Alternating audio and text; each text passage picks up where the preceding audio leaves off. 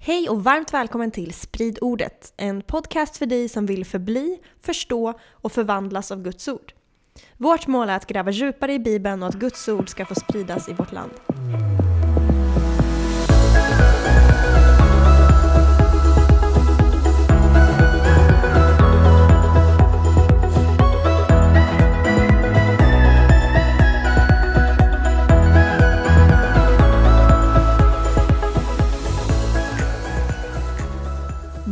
Gott och ont. Det är en serie som vi är mitt uppe i nu.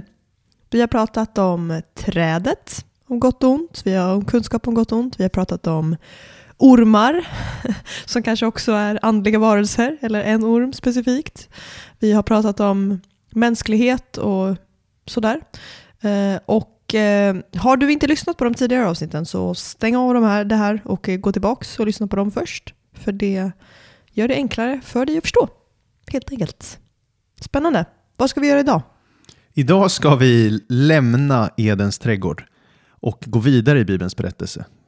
Så vi, som du sa så är det viktigt att man fått med sig det vi pratat om tidigare, liksom med, om att, definiera, att människan vill definiera gott och ont utan Gud och så vidare. Och också det här temat med att ormen vill få människor att agera som djur. Lite så här. Vi kommer spinna vidare på det nu här. Då. Ja. Eh, så vi kommer se nu när vi lämnar Edens trädgård, eller lustgård som en del säger, så kommer vi se hur ormen fortfarande är aktiv. Men nu kommer vi istället också möta begreppet synd för första gången i Bibeln. Det har inte nämnts innan. Nej, det dyker upp i kapitel 4. Det är första gången det dyker upp. Och det kommer vara i berättelsen med Kain och Abel. Då. Och vi kommer se också att Kain och Abel-berättelsen är jättekopplad till berättelsen i Edens trädgård. Och Kain och Abel är söner till Eva och Adam. Exakt, exakt. Och man, man märker också att de här berättelserna hör ihop rent litterärmässigt också. De, de ska läsas tillsammans och sida, sida, vad säger man? sida vid sida Mm. bredvid varandra. Så ska man jämföra dem. Och det, det kan man se av flera skäl. Liksom. Dels eh, finns det en, eh, eh, vad ska man säga, en litterär eh, eh, vad heter det? Clue, Q. Alltså, du, du fattar vad jag menar. Vi för vidare in i det. Ja, exakt. För det finns en hebreisk fras som är toledot. Och det är ett ord... som- Toledot. Toledot. Toledot. Okej. Och det liksom initierar och delar upp berättelserna i första Mosebok. Och det begreppet dyker upp tio gånger. Och varje gång det dyker upp så är det som att det inleds ny, en ny del i boken. Då är det dags att vända blad. Ja, men exakt. exakt. Och då, tack vare den här frasen Toledot, då ser vi att kapitel 2 till 4 hör ihop med varandra. Alltså Kain och Abel-berättelsen hör ihop med Adam och Eva-berättelsen. För att sen nästa gång Toledot dyker upp är i kapitel 5. Toledot. Toledot. Eh, och, och, och, så därför kan vi veta att de hör ihop. Men är ordets syfte att visa, bara hjälpa till i den litterära texten? Ja, bland annat verkar det som att det är till för att visa att nu inleds ett nytt stycke. Det är liksom, ibland översätts det som detta är generationen av eller detta är berättelsen om. Typ Okej. sådär. Mm. Eh, ja, så det är eh, spännande, spännande. Men vi hoppar in i kapitel 4 så kommer vi sen kolla på paralleller till berättelsen innan då, i, i, med Adam och Eva. Men vi, vi kör igång. Om du läser första två verserna i första Mosebok 4. Mannen kände sin hustru Eva och hon blev havande och födde Kain. Då sa hon, jag har fått en man från Herren. Hon födde ännu en son, Abel, Kains bror. Abel blev herde och Kain blev åkerbrukare. Okej. Jag var jättenära på att läsa återbrukare, men det var lite mer 2023. Ja, åkerbrukare är det som gäller. Ka ja, precis. Kain och Abel. De, namnen här betyder viktiga saker. Kains namn betyder förvärva eller skaffa. Medan Abel på hebreiska heter hevel som betyder vindpust eller förgänglighet. Okej. Och det här är jätteviktigt för berättelsen, för det här kommer förmedla deras roll i berättelsen. För Abels liv är ju som en rök, en vindpust. Han är här en kort stund, sen borta. För han blir dödad väldigt abrupt av sin bror. Ja, Nu spoiler här, för vi har inte läst berättelsen än. Men, ja.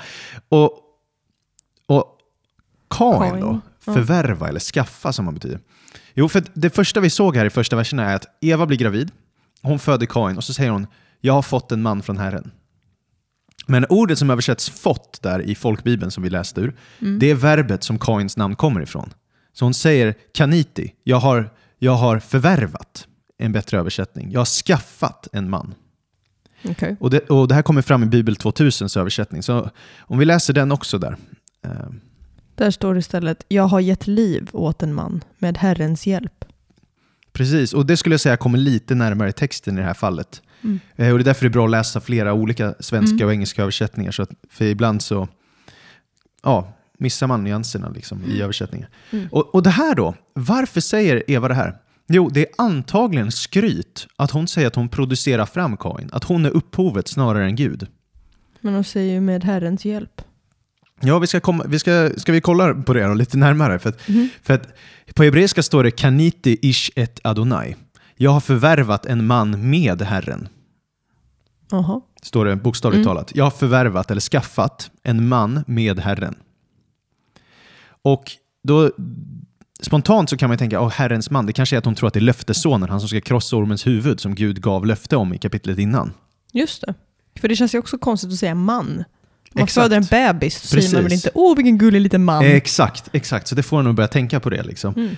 Men varför jag tror att det är ett skryt också, och det är inte bara jag som tror utan flera andra teologer också, men det är för att det finns två hebreiska ord för med.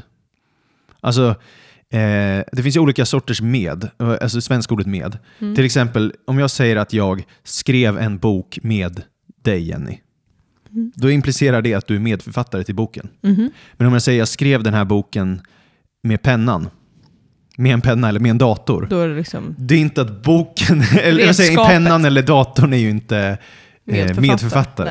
Nej. Utan det är redskapet. Kontexten avgör lite. I svenska är det så ja. Ja. Men på hebreiska så har du två olika ord för med. Mhm. Du har im och du har ett. Ja. Och im implicerar ett jämställt partnerskap. Alltså typ, Jenny, eh, jag skrev en bok med Jenny. Mm. Vi gjorde det liksom jämställt. Det är im. 50-50. Och ett är, jag skrev en bok med datorn. Alltså ett. Och det, ordet som Eva använder när hon beskriver så är ett. Så hon Alltså- an- använder Gud för att göra en man. Exakt. Som Hon, hon beskriver Gud som ett objekt snarare än ett subjekt. Det var lite högmodigt. Så hon ser sig som en, som, som en partner med Gud i skapandet av liv, Ja. men inte som att de båda är subjektet, utan som att Gud är ett redskap. Snarare som att Gud är pennan, snarare än medförfattare. Så Gud är som ett objekt hon använder för att få igenom sina syften. Lurigt. Och här har vi ju liksom en lärdom om vi ska inte bara köra bibelstudier utan också lite lärjungaskap eller vad man ska säga. Men, för använder du Gud som ett redskap? Alltså använder man Gud som så här, det är Gud som ska välsigna mina drömmar, Gud ska använda, mig för, alltså jag ska använda Gud för att få igenom mina syften på jorden typ. Mm. Då är det en osund relation med Gud och förhållningssätt till Gud. För det ska inte vara ett, alltså eh, jag, ett, det hebreiska ordet ett, utan det ska vara im, med, tillsammans. Vi ska ha ett samarbete. Och det är det som är den viktiga skillnaden här då. Och, och det är därför vi ser att Eva tror ju att Kain ska vara den här löftessonen hon har skapat, producerat. Det är som skryt liksom. Hon tror kanske att det är kvinnans säd som ska krossa ormens huvud. Vilket inte är jättekonstigt att de tror. Eftersom löftet kommer i kapitlet innan. Liksom. Exakt. Och sen föder hon ett barn. Och då tänker hon att ja, men det här är den personen. Precis. Men man märker liksom att hjärtat bakom där är fel. Och, och, och då ser man också bara supernördigt, textnördigt, så ser man att det, det är Bibelns sätt att förmedla att han, är, han kommer inte vara kvinnans säd, han kommer vara ormens säd, Kain. För att ingenstans kallas Kain för säd, alltså avkomma på hebreiska, zera. Abel kallas för zera, avkomma, och Set gör det också. Men det gör ju inte Kain. Och det är troligtvis bara för att förmedla att han är inte den utlovade frälsaren. Supertydligt. Ja, och det här blir Om också man så här, kan hebreiska. ja, ja, ja, exakt. Man missar det på svenska. Men, men poängen är ju att det blir också som att det som är fött av köttet, alltså av egna gärningar, snarare än i tro och tillit till Gud, alltså det man själv presterar fram, det är något ondskefullt. Mm. Medan det som är gott, det är det du tar emot i tro från Gud och ser som en gåva från Gud. Så redan här har vi det här temat som Paulus sen i Nya Testamentet kommer spinna vidare på, eh, rättfärdiggörelsen genom gärningar eller genom tron. Alltså hur man baserar sin gudsrelation. Är det på vad jag gör eller på bara ta emot en gåva i tro? Mm. Och redan här har vi gott och ont då. För Kain blir ju liksom en symbol på ondskan då. Egna gärningar. Mm.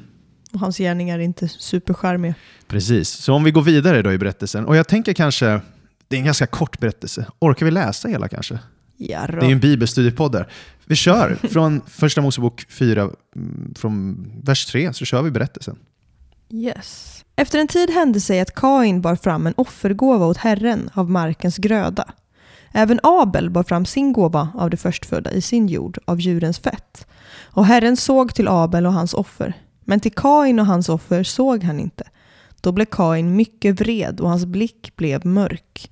Och Herren sa till Kain, varför är du vred? Och varför är din blick så mörk?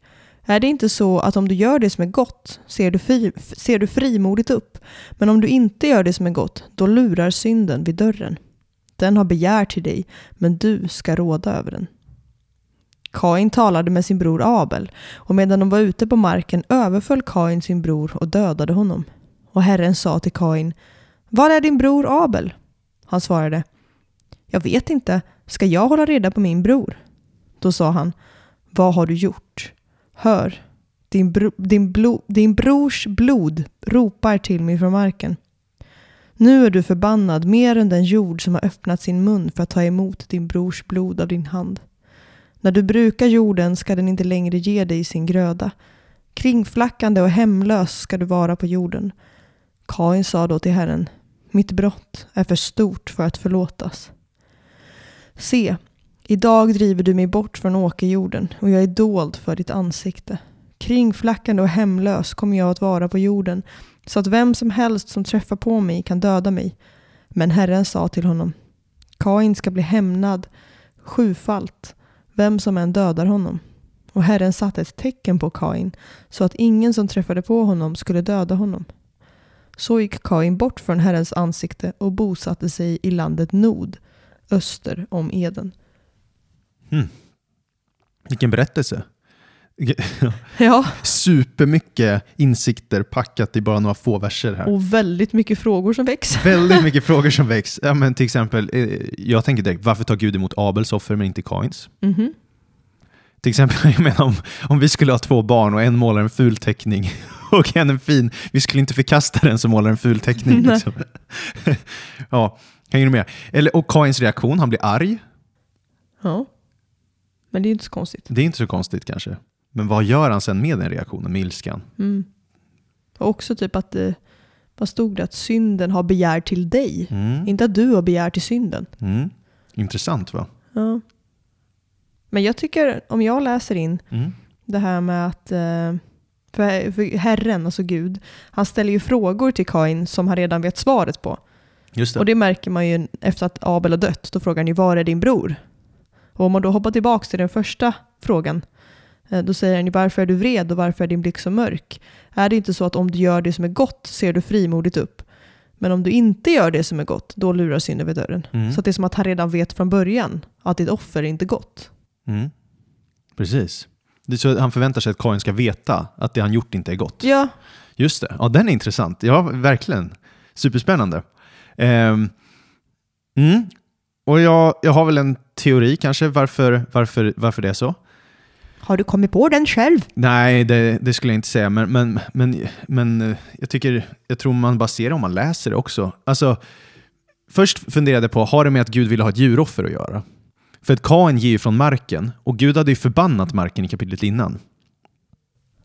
För att det var ju, han sa till Adam, nu kommer för- marken vara förbannad, det kommer bära tös, eh, töste, heter inte, tistlar och törne. Jag slog ihop tistel och törne i ett ord. Tistlar och törne för dig. Så att Gud förbannade marken i kapitlet innan. Ja, men djuren äter ju av marken. Jo precis, men han förbannade inte djuren. Nej. Han förbannade ormen i och för sig, men Ja. inte djuren. Och, och, så då har jag funderat, okej, är det för att Kain frambar något förbannat inför Gud? Men samtidigt måste han ju, alltså hans roll var ju på något sätt att, att ta hand om marken, I guess. Ja, exakt. Eller, alltså, det var hans- det var hans, hans jobb. yrke. Det var hans yrke. Han hade Precis. väl inga djur? Nej, så det mest troliga vad, vad det här handlar om är ju att Abel gav sitt bästa. För det står att han gav av det förstfödda. Men Kain gav inte av förstlingsfrukten av skörden. Det står bara att han frambar liksom från markens gröda. Mm. Så Abel gav det bästa, Kain gjorde inte det. Ja, något vajsing var det i alla fall med hans offer. Exakt. Så, det är inte som att Gud bara skulle så här, nej, inte så sugen på ditt offer. Nej, antagligen inte. Antagligen inte. Nej.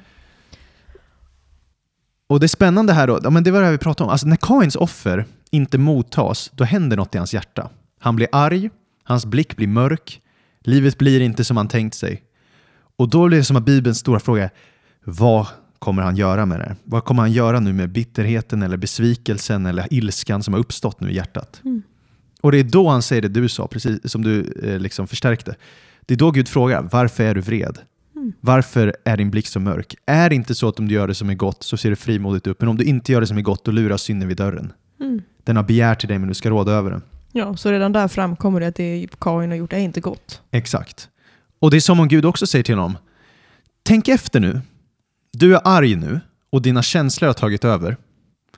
Men det är faktiskt dina handlingar som har tagit dig i den här situationen. Mm. Det du har gjort har gjort, lett till det här resultatet. Mm. Du hade ju kunnat offra annorlunda. Och nu står du inför en prövning i ditt liv. Just nu, alltså när Gud pratar med honom. För han säger, nu kan du välja att göra det som är gott. För han säger, om du gör det som är gott så då, då kan du se frimodigt upp. Då kan, du Mm. upp liksom, då kan du lyfta blicken. Men det finns också något som heter synd och den ligger och lurar vid dörren. Och här beskrivs det på hebreiska som att synden är som ett djur. Det, ordet som beskrivs där, ligga och lura, det är liksom som ett... Eh, eh, Lejon. Ja men typ lejon som är redo att hoppa på dig typ. Och, eh, så det är som att synden är redo att kasta sig över dig, för den har begärt i dig. Men du kan råda över den. Alltså du kan råda över djuret. Mm. Hänger du med? Det är återigen det temat av att vi ska regera över djuren. Och nu porträtteras djur, alltså synden som ett djur, återigen, precis som i kapitlet innan. Men det står att du ska råda över den. Och det gör han ju inte. Nej. Men det är en uppmaning liksom. Mm. Ja, ja, han säger till honom snarare. Ja. Du ska råda över Exakt, exakt. Kommer du nu den. re- Beware. Exakt. Kommer du nu re- regera över djuret inom dig eller regera med djuret? Som dina föräldrar. Mm. Kommer du utöva självbehärskning eller inte? Kommer du lyssna till Guds röst som just nu talar till dig, för Gud talar precis med honom, och säger gör gott. Eller kommer du lyssna till djuret inom dig, alltså känslorna som nu uppstått inom dig? Nu är du ju arg. Kommer du nu agera på vreden som uppstått inom dig? Känslorna du känner. Hänger du med perspektivet? Ja. Och det blir extra starkt när man jämför med eh, det vi pratade om i kapitlet innan liksom, och avsnitten innan. Och det som händer är ju då att Kain inte råder över djuret. Han regerar inte över djuret, alltså synden. Utan Han ger efter. Ja, han ger efter. Istället så kommer han misslyckas med prövningen och gå på de impulser och känslor som uppstår i hans inre.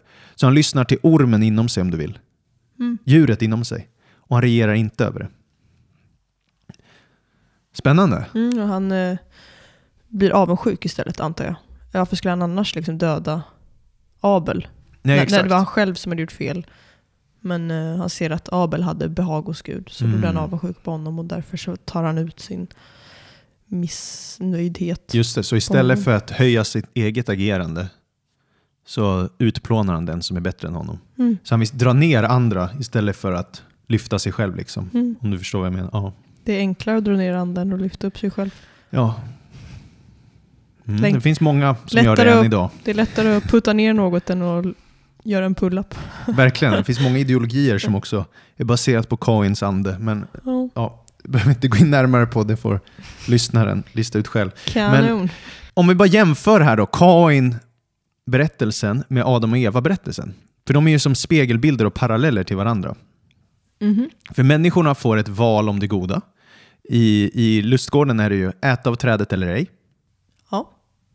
Men Kains prövning, det är om du gör det som är gott ser du frimodigt upp. Alltså du kan välja det goda eller onda. Nu kan du välja att agera på impulsen inom dig eller göra det, lyssna på Guds röst. Mm.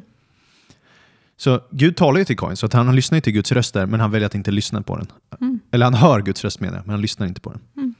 Man följer den inte. Och båda i berättelsen frestas av ett djur. I första berättelsen är det ju en orm Ormen. och här är det då synden som beskrivs som ett djur. Intressant. Båda faller för frestelsen med förödande konsekvenser. Det står att Eva får begär till frukten och välja att ta den. Och Kain blir frestad av sin ilska, de känslorna på insidan, och väljer att agera ut den och mörda. Gud dyker upp och frågar Var är du? till Adam och Eva, eller vad har du gjort? Och till Kain så frågar han Var är din bror och vad har du gjort? Mm. Och på samma sätt så undviker de första människorna ansvaret.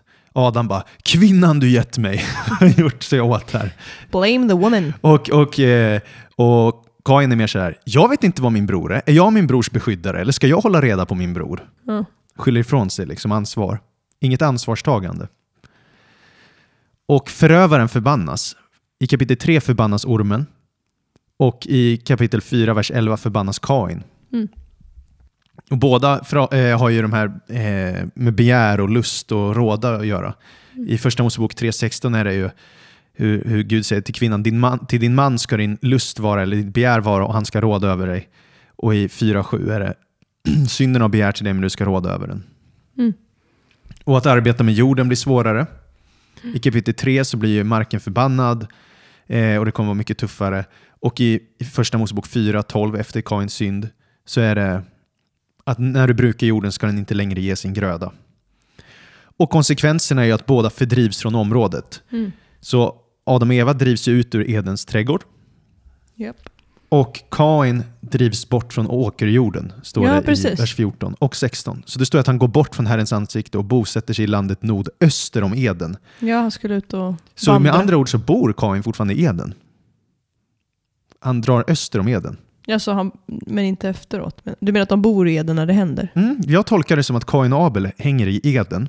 Inte Edens trädgård, utan Eden. Att det är två Att separata det skulle vara områden. ett land och sen så i den finns en trädgård. Exakt. Eller så går de runt. Nej, men, så jag, jag tror det är så, liksom, att Edens trädgård... Jag tror att de bor driv- söder om det och istället så går han öster om. Va? Nej, jag fattar inte. Va? Det står ju bara att han drev, ut- ja, han drev ut människan. Ja, nej, nej, nej, nej, nej, nej, det är öster. För det är också ett tema i Bibeln, att när du rör dig österut så drar du dig bort ifrån Gud. Så det är därför det kommer stå sen, typ så här, när människorna ska bygga Babels torn så drar de österut och bygger Babels torn. Eller när Jona flyr från Gud och sådär. Så, ja. Det är liksom alltid ett tema, när man drar österut drar man från Gud. Så jag skulle inte flyttat från västkusten till Stockholm. Exakt, det är dra bort från Gud. Det är Det därför, ja, sig. by the way, det är därför, bara, fun fact, nej, men det är därför man drar in, när, när templet byggs och tabernaklet byggs, då är ingången öster. Så när man ska in mot Guds härlighet, då kommer man österifrån och rör sig västerut. Mäktigt. Ja. ja, och i alla fall en till parallell är ju att Adam och Eva gömmer sig från Gud och i Kain-berättelsen så säger ju Kain, jag är dold för ditt ansikte, alltså gömd för Guds ansikte. Så. Mm. så det är jättemånga paralleller i berättelsen, eller hur? Japp. Så, och, och det blir så tydligt då, då ser vi att Kain har en orm inom sig. Den kallas synd. Mm. Om han väljer att bejaka den beter han sig som ett djur. Och det här är en sån lärdom för oss då när vi talar gott och ont. Det kommer vara situationer i livet, prövningar, frestelser som man säger. Kommer vi då gå på de känslor som uppstår inom oss? Kommer vi lyssna på känslorna eller begären eller längtan inom oss? Hur håller man koll på om eh, känslorna är onda eller inte? För jag, jag vägrar ju tro att alla känslor inom oss är onda. Så är det ju verkligen inte. Och det är ju då vi kommer till Guds ord. Eller hur? Det är bara Mm. de känslor som går emot Guds ord som är onda om man agerar ut dem. Mm. Och det är därför det är så viktigt att följa ordet. För det var ju det, liksom det här i, i trädgården, då var det ju att ormen ville vilseleda från det Guds talade Mm. ord. Och samma sak här så talar ju Gud med Kain och säger gör nu det som är gott. Istället väljer att inte lyssna på vad Gud talar, utan väljer att lyssna på rösten inom sig som säger mörda brorsan. Mm. Gud hade sagt ta hand om din bror. Känslorna inom honom säger mörda din bror. Mm. Och då väljer han att gå på känslorna. Och med det sagt betyder inte det att alla negativa känslor är synder. Det står ju till exempel när du blir vred, synda inte. Så att man kan vara arg utan att synda också. Till exempel. 100 procent. Och det är det jag tror Kain ställs inför. Mm. Kain har blivit vred, men där har han inte syndat ännu, Nej. skulle jag säga. Utan han blir arg. Förutom om han hade...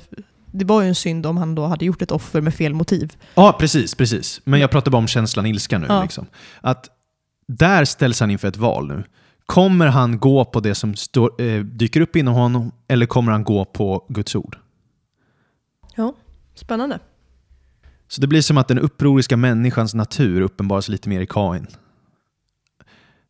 Mm. Och intressant, om man bara tänker rent liksom berättelseperspektivsmässigt, så är ju Abel en herde. Och vad gör en herde för något? Tar hand om djur. Får. Tar hand om djur, regerar över djur. Mm. Det var ju det människan skulle göra. Boom. Och Kain gör ju inte det. Nej. Synden klarar inte av att regera. Intressant, eller hur? Verkligen. Ja, verkligen. Det är sånt djup i de här texterna. Och, och Vi ser också sen i Nya Testamentet att de förtydligar att Kains problem var att han hade avsaknad av tro. Han fra- frambar inte ett offer i tro. Och sen så lit, tro ju att lita på Gud någonstans också. Så han litar inte heller på Guds ord när väl de jobbiga eh, kon- situationerna uppstår. Mm. Utan väljer att lita på sig själv egentligen. Han gör sig själv till Gud då. Ja, men det jag känner för, det ska jag göra. Så när han blir arg, då kan han inte ens talas ut ur sin synd av Gud själv. För Gud talar ju med honom bara. Okej, calm down nu, gör det som är bra. Och kommer bara, nej jag kommer lyssna på rösten inom mig själv. Jag vill inte höra vad du har att säga. Så då var det, Guds röst var inte det viktiga för Kain. Hade jag hört Guds röst så tydligt när jag är hög i affekt, det hade hjälpt tror jag. Ja, men, men, jag- men du Det hade har, varit, du hade har varit ju, lyxigt. fast du har ju Guds röst inom dig hela tiden. Och det är därför, hänger du med vad jag menar med det? Alltså, för du har matat dig med vad Gud säger. Du menar att jag utifrån Bibeln? Ja, precis. Så Mm. du vet ju vad han säger. Att, Men jag menar man hör ju hans hörbara röst. Gör Det- inte det här. ja, det, ja, Då blir verkligen. man ju ah!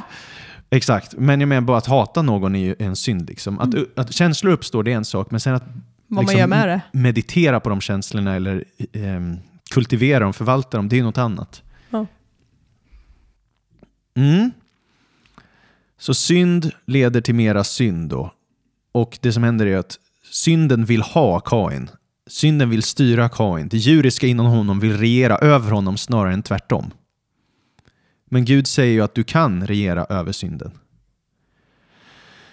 Och här skulle jag vilja bara så här reflektera lite. Jag känner det typ så här. För Kain står inför den här prövningen. Antingen ska han ge vika för sin synd eller kuva synden, alltså under, slå ner synden. Ja. Så istället för att dominera synden så dominerar han sin brorsa. alltså så här. Och det blir samma för oss i våra liv. När vi får syndiga impulser, när känslor, tankar uppstår, whatever, som inte är i linje med Guds ord, Mhm.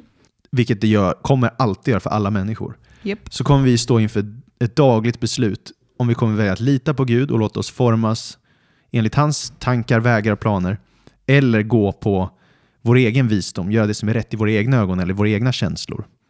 Och det blir ju jättedåligt. Och då har jag funderat på det här, för typ så här, det står där att vi ska regera, ö, ö, han säger till Kain, du ska råda över synden. Regera över de djuriska impulserna. Och på ett sätt så var, när jag läste det här så började jag fundera med min nytestamentliga teologi, bara, jag har lite problem med de här verserna. Okej. För jag tänkte, du vet, i min teologi är vi slavar till synden. Men han säger att vi ska råda över den. Ja, exakt. Hänger du med, hänger du med spänningen? Liksom att, för Paulus säger ju det jag vill, det gör jag inte och det jag gör, det vill jag inte. Och Mm. då blir min fråga så här, kan vi verkligen bemästra synden? Kan vi kuva den? För vi ser ju på andra ställen i Bibeln att vi människor inte riktigt lyckas. Ja. Mm. Eh, Fattar du min reflektion liksom? Det känns som att det är bakvänt här. Ja, det känns lite så här att Gud ber oss regera över något vi inte kan regera över. Men det är väl det man ändå är på en vandring att göra. Är det inte det som är helgelse? Exakt, i Nya Testamentet står det att vi, ska, vi är inte slavar till synden, vi kan regera över den, vi kan döda den, allting så här. Mhm. Men där, till Kain. Och då har jag funderat på det här och då, och då tänker jag typ som att det är som att precis som de första människorna av Kain så har vi alla människor ett val. Kommer vi in för begären? Kommer vi lyssna på våra känslor mer än Guds ord? Kommer något ha en viktigare plats i våra liv än att lyda vad Gud sagt? Kommer vi agera ut som djur? Och det är frågan så här. Mm. Och i början ser det ut som då att, eller det låter ju nästan som Gud säger att vi alla kan utöva självbehärskning. Mm. För Kain, du kan regera över det. Vi kan alla mer eller mindre liksom besegra djuret inom oss. Alla kan det, även de utan Guds ande. För vi, vissa människor kan ju utöva självbehärskning mer än andra. Ja. Och så det finns ju människor som är mer moraliska än andra. Men ingen lyckas helt och fullt. Och det, jag tror det är där Paulus kommer in på det. Liksom, att där i ligger slaveriet. Att vi alla gör fel, ingen är perfekt. Nej, precis. Alla bryter mot Guds vilja någon gång. Liksom den här grejen att alla har syndat och saknar härligheten från Gud. Mm. Eller hur? Det, det, visst, det känns som en mer rimlig approach. Verkligen. För tidigare har jag hört liksom mycket så här kristen teologi som säger att vi är alla syndare, vi är alla sy- eh, slavar till synden, du är en fruktansvärd människa, hela den grejen. Och sen samtidigt så finns det ju vissa människor som beter sig bättre än andra. Mm. Och det har jag ibland så här bara, ah, vad betyder det då? Det verkar som att vissa kan, som inte ens är kristna kan behärskar synden inom sig lite bättre än andra. Mm. Vad tänker du? Ja, men det jag tänkte är väl att alla kan ju till viss mån eh, kuva djuret inom sig, men Ja. ingen klarar det helt och fullt. Nej. Vilket gör att vi alla kommer stå ansvariga inför Gud på domedagen. Och det är det som gör att vi slavar till synden. För att djuret kommer alltid övervinna oss i slutändan. Det finns stunder där vi kan övervinna synden, men inte alltid. Och nu talar jag alltså om man inte är en på kristen. Och sen så handlar det också om, om man ska dra det ännu djupare så blir det liksom att man skulle kunna argumentera som typ Calvin och gänget, så här, teologerna, way back, alltså, alltså, typ att ingen människa eh, utan Gud och utan Guds liksom, eh, ande där han förvandlar en insida så kan man inte göra någonting av helt 100% rena uppriktiga motiv. Liksom. Så att man alltid har någon form av syndigt motiv bakomliggande.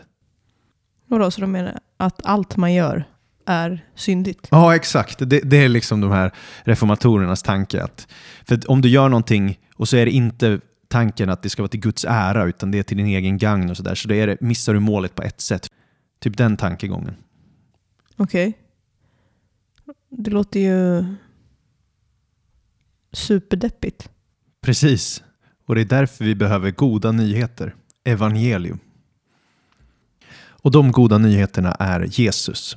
Han gör så vi kan övervinna synden.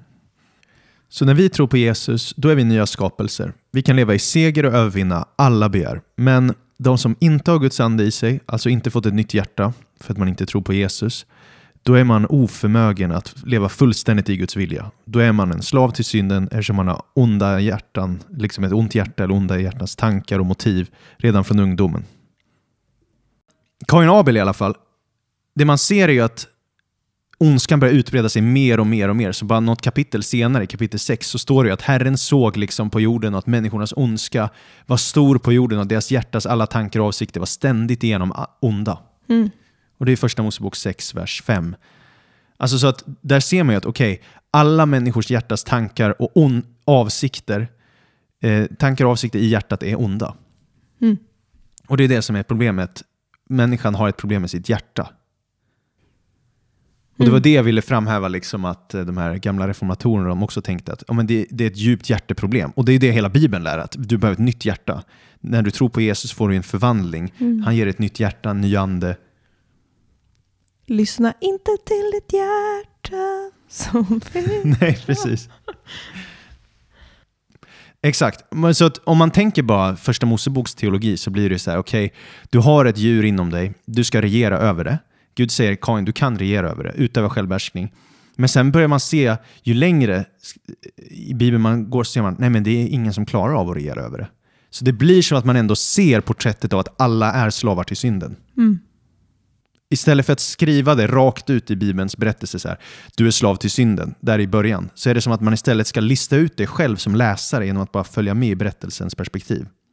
Titta, det skiter sig. Exakt. Och det är därför Gud bara tittar på jorden och ser att, såg att allt var ont. Han bara, Mm. oj, nu tittar jag på människorna här, det är bara ondska överallt. Deras hjärtan är ondskefulla och avsikter är ondskefulla redan från ungdomen. Mm. Jag behöver börja om, liksom. jag sänder en flod. Och då sänder han ju floden. Mm. Och Noa blir ju då den som blir skonad. Och han visar ju då oss att hur du övervinner det här är genom att lita på vad Gud har sagt. Så Gud har ju sagt något till Noa, bygg en båt, gör allt det här. Och då finner han ju nåd i Guds ögon. Mm. Så att när han agerar i tro, då blir han räddad undan domen. Mm. Så det blir som att gott och ont och det, det goda är ju att lita på Guds ord. Vad Gud Yes. har talat. Och då blir du räddad Och undan agera domen. på det. Och agera på det, exakt. Eh, så det är som att man ser en progression då i berättelsen, tänker jag. Eh, så att vi ser ju där i Första Mosebok 6 och i kapitel 8 också att människans hjärtas tankar är onda medfött. Liksom, att vi alla har onda avsikter på något sätt. Mm. Det, det många kallar arvsynd. Ja.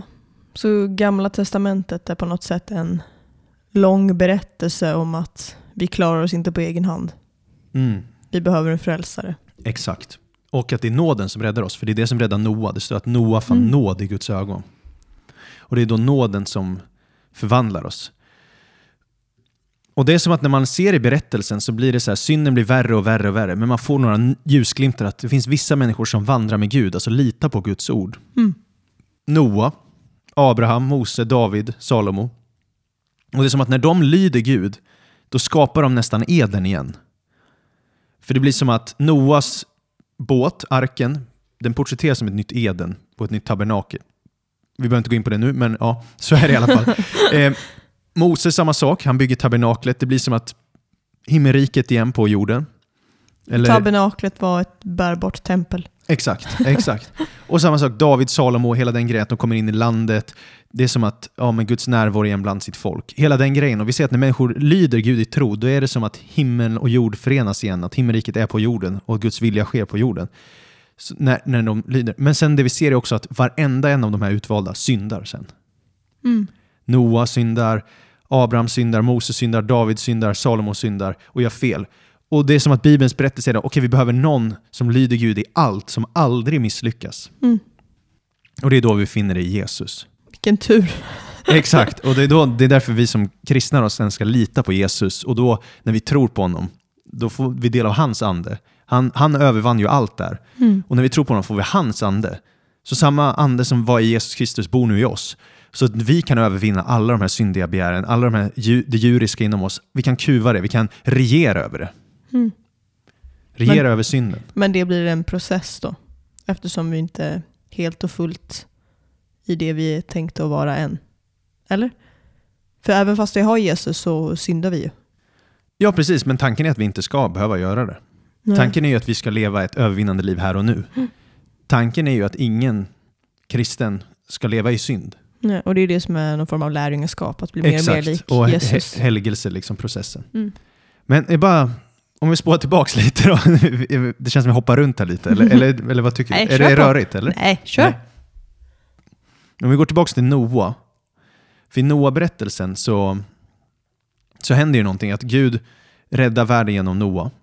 Och efter Noa, det här är första Mosebok 8, Mhm. då då står det att han, eh, han eh, går ut ur båten och så offrar han till Gud. Och så står det i första Mosebok 8.21 så här att när Herren kände den ljuvliga doften av djuroffret då, så sa han till sig själv grillat kött. Härefter ska jag inte mer förbanna jorden för människans skull, eftersom hennes hjärtas tankar är onda, alltså ra, ända från ungdomen. Jag ska aldrig mer döda allt levande så som jag nu har gjort. Mm. Så Gud säger, okej jag kommer aldrig mer komma med den straffdomen som jag gjorde med en syndaflod. På grund av Noas offer. Men också på grund av att människans hjärtas tankar är onda ända från ungdomen. Men det som förändrade relationen, det var ju Noas offer. Och det här har vi pratat om i way back för något år sedan, om att Ja. Noas offer förändrade hela situationen. Och det jag tycker är så intressant då i Noa-berättelsen, det är som att vi människor har ju blivit upp till den här punkten i, i kapitel 1, eh, liksom 2 till 9, eh, 3 till 9 så har det varit mycket att det finns ett djur inom oss, vi ska regera över det. Mm. Att det är som att Gud vill börja skilja oss mer och mer från djuren och hjälpa oss förstå att vi ska inte vara som djuren. Vi ska inte bete oss som dem. Så Gud ger tillåtelse att äta djuren. Åt de inte djur innan eh, arken? Exakt. Så det är först eh, efter Noas flod. Innan det så var alla vegetarianer. Och efter floden så säger Gud, nu kan ni käka det. Och så offrar ju Noa ett djuroffer. Så jag känner som att det finns mycket kopplingar här till syndoffer och allting. Om, om, men eh, det kan vara roligt för någon att veta det här, att folk var vegetarianer innan floden. och sen att Fun de får fact. käka djur för att troligtvis skilja dem från djuren mer. Om vi läser det, första Mosebok 9 där, vers 1-5. Gud välsignade Noa och hans söner och sa till dem Var fruktsamma, föröka er och uppfyll jorden. Fruktan och skräck för er ska komma över alla djur på jorden och alla fåglar under himlen, över allt som krälar på marken och över alla fiskar i havet. De är givna i er hand. Allt som rör sig och har liv ska ni ha till föda. Så som jag har gett er de gröna örterna ger jag er nu allt detta. Men kött som har sin själ i sig, nämligen sitt blod, ska ni inte äta.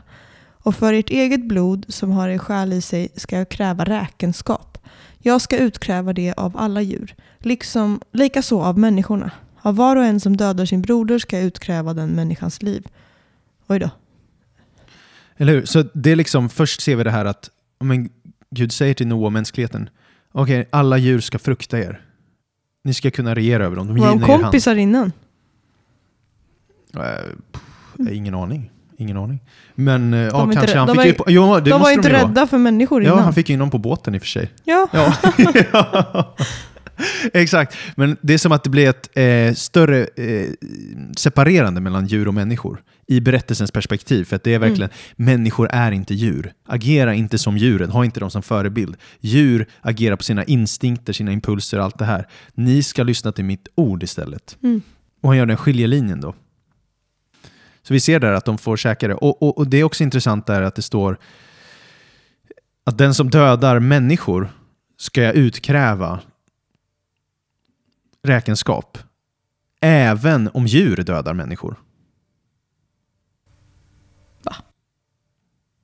Du ser inte det? Eller? Jag ska... Jo. För ditt eget blod som är skälig så ska jag kräva räkenskap. Jag ska utkräva det av alla djur, likaså av människorna. Alltså, så att om ett djur dödar en människa, då kommer han utkräva djurets liv. Eller om en människa dödar en människa, då kommer han utkräva människans liv.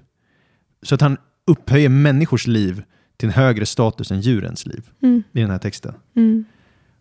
Och det står sen, nå- någon vers senare, att för att Gud har skapat människan i sin avbild. Och det har han inte gjort med djuren då. Nej. Det är också intressant att han skriver att allt som rör sig och har liv ska ni ha till föda.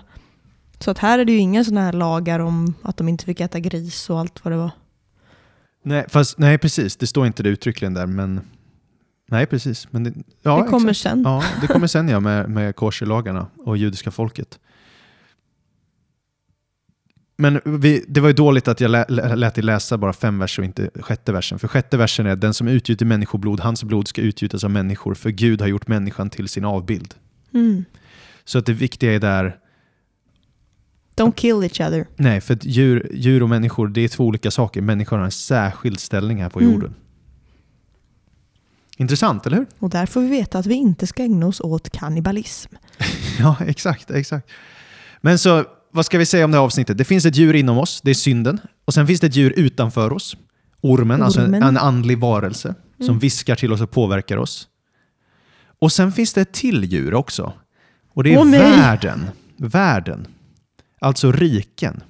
Samhällsstrukturer och kulturer som Mm. också liknas vid djur i Bibeln.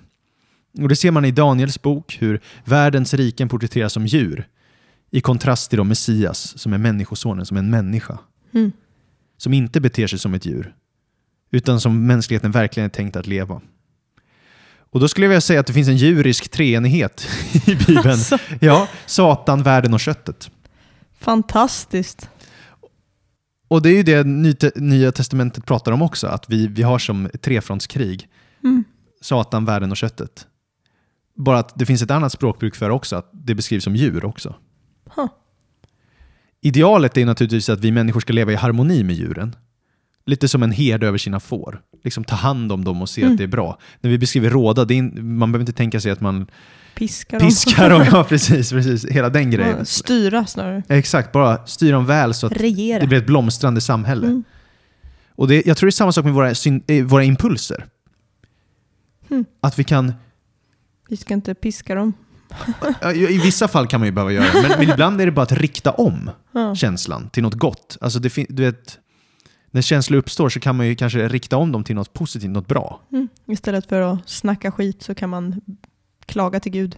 Ja, eller tala liv. Eller alltså, ja, nej, men alltså, jag vet inte, känslor är kanske som eh, olika djur. Boskapsdjur och vilda djur. Vissa känslor är bra, vissa behöver liksom kuvas rejält, andra kan man bara ride along with. Jag vet inte. Ehm, mm. Så det här var lite tankar kring gott och ont. Och, Och djur. ja, och, och bara att, att jag gjorde den här studien kring första Mosebok 3 och 4, det har öppnat upp mina ögon för Bibeln på ett helt annat sätt. Alltså jag har sett det djur och människotemat på ett Ja, helt... jag har aldrig tänkt på det här. Nej, och det är det som... För jag, höll på... Vi är ju nu i mars här, men jag har hållit på att läsa igenom Bibeln eh, på ett år. Och så har jag varit i min bibelläsningsplan i tredje Mosebok nyligen. Mhm. Och så är det bara djuroffer på djuroffer på djuroffer hela tiden. Och jag är övertygad nu, efter det här, att det har ju verkligen något med det här att göra, det vi pratar om. Alltså att offra ett djur och förlåtelsen för synd. Mm. Det är verkligen någon koppling till det här som jag inte helt förstår till fullo. Ja, men det är som att man eh, slaktar begäret. ja, ja, på något sätt. Och på något sätt visar att ja, men jag dödar det. Alltså hänger du med? Mm. Det, det, det finns någonting där Men då att, hade man ju hellre egentligen velat slakta ormar. Men man ska ju slakta ett oskyldigt lamm. ja, och rena djur ska man offra. Så Ja. det, det, det är inte liksom hela sanningen i det här, men, men det finns någon form av profetisk tanke. bild här. Ja, men som jag, jag inte förstått till fullo ännu. Som våra lyssnare får utforska och bygga vidare på. Men, men Och känner, lära oss. Ja, och lära oss, verkligen. Ja, men så, om man ska sammanfatta det här är det väl mycket, vi behöver kuva djuret. Inte lyssna till köttet inom oss, inte lyssna till ormen, den onda andligheten, och inte till världen, världens system och riken som Mm. liknas vid djur i Daniels bok. Utan vi ska vara människor, Guds avbild. Ja. Gud har skapat oss fantastiskt, han älskar oss, han har en plan för oss, han har skapat oss med fantastiska gåvor, förmågor. Vi ska bara spegla och reflektera Gud. Vi ska inte sänka oss till djurens standard. Vi ska vara till en gudomlig standard. Och det blir vi bara när vi väljer att lyssna till Guds ord. När Och vi. Mm. lyda Guds röst. Wow, då är vi verkligen den här gudomliga kallelsen. Yes. Den höga kallelsen, inte den låga att vara som djuren, utan vara något gudomligt, Mm. något vackert. Och till vår hjälp har vi helig ande. Amen. Annars hade vi varit körda hela bunten. Exakt, exakt. Och, och det är det man ser, tem- och det har vi pratat om i Greppa GT, Ja, vår precis. första serie vi gjorde. Att man behöver anden för att bli en förvandlad människa och kunna leva ut där. Mm. För det, vi klarar inte egen kraft. Nej men eh, fantastiskt, bra avslut. Ja, seger, seger. Seger. Vi kan regera över synden. Vi behöver inte vara slavar till världens system och tankar. Vi behöver inte följa de onda tankarna som kom, kan komma från oss för onda andemakter. Vi är övervinnare i Kristus Jesus. Amen. Amen. Tack att ni har lyssnat. Hoppas ni har lärt er någonting. Det har i alla fall jag gjort. Eh, har ni frågor så följ oss gärna på sociala medier. Skicka frågor till oss. Vi har även en mail. Hej spridordet.se. Ehm, så hörs vi!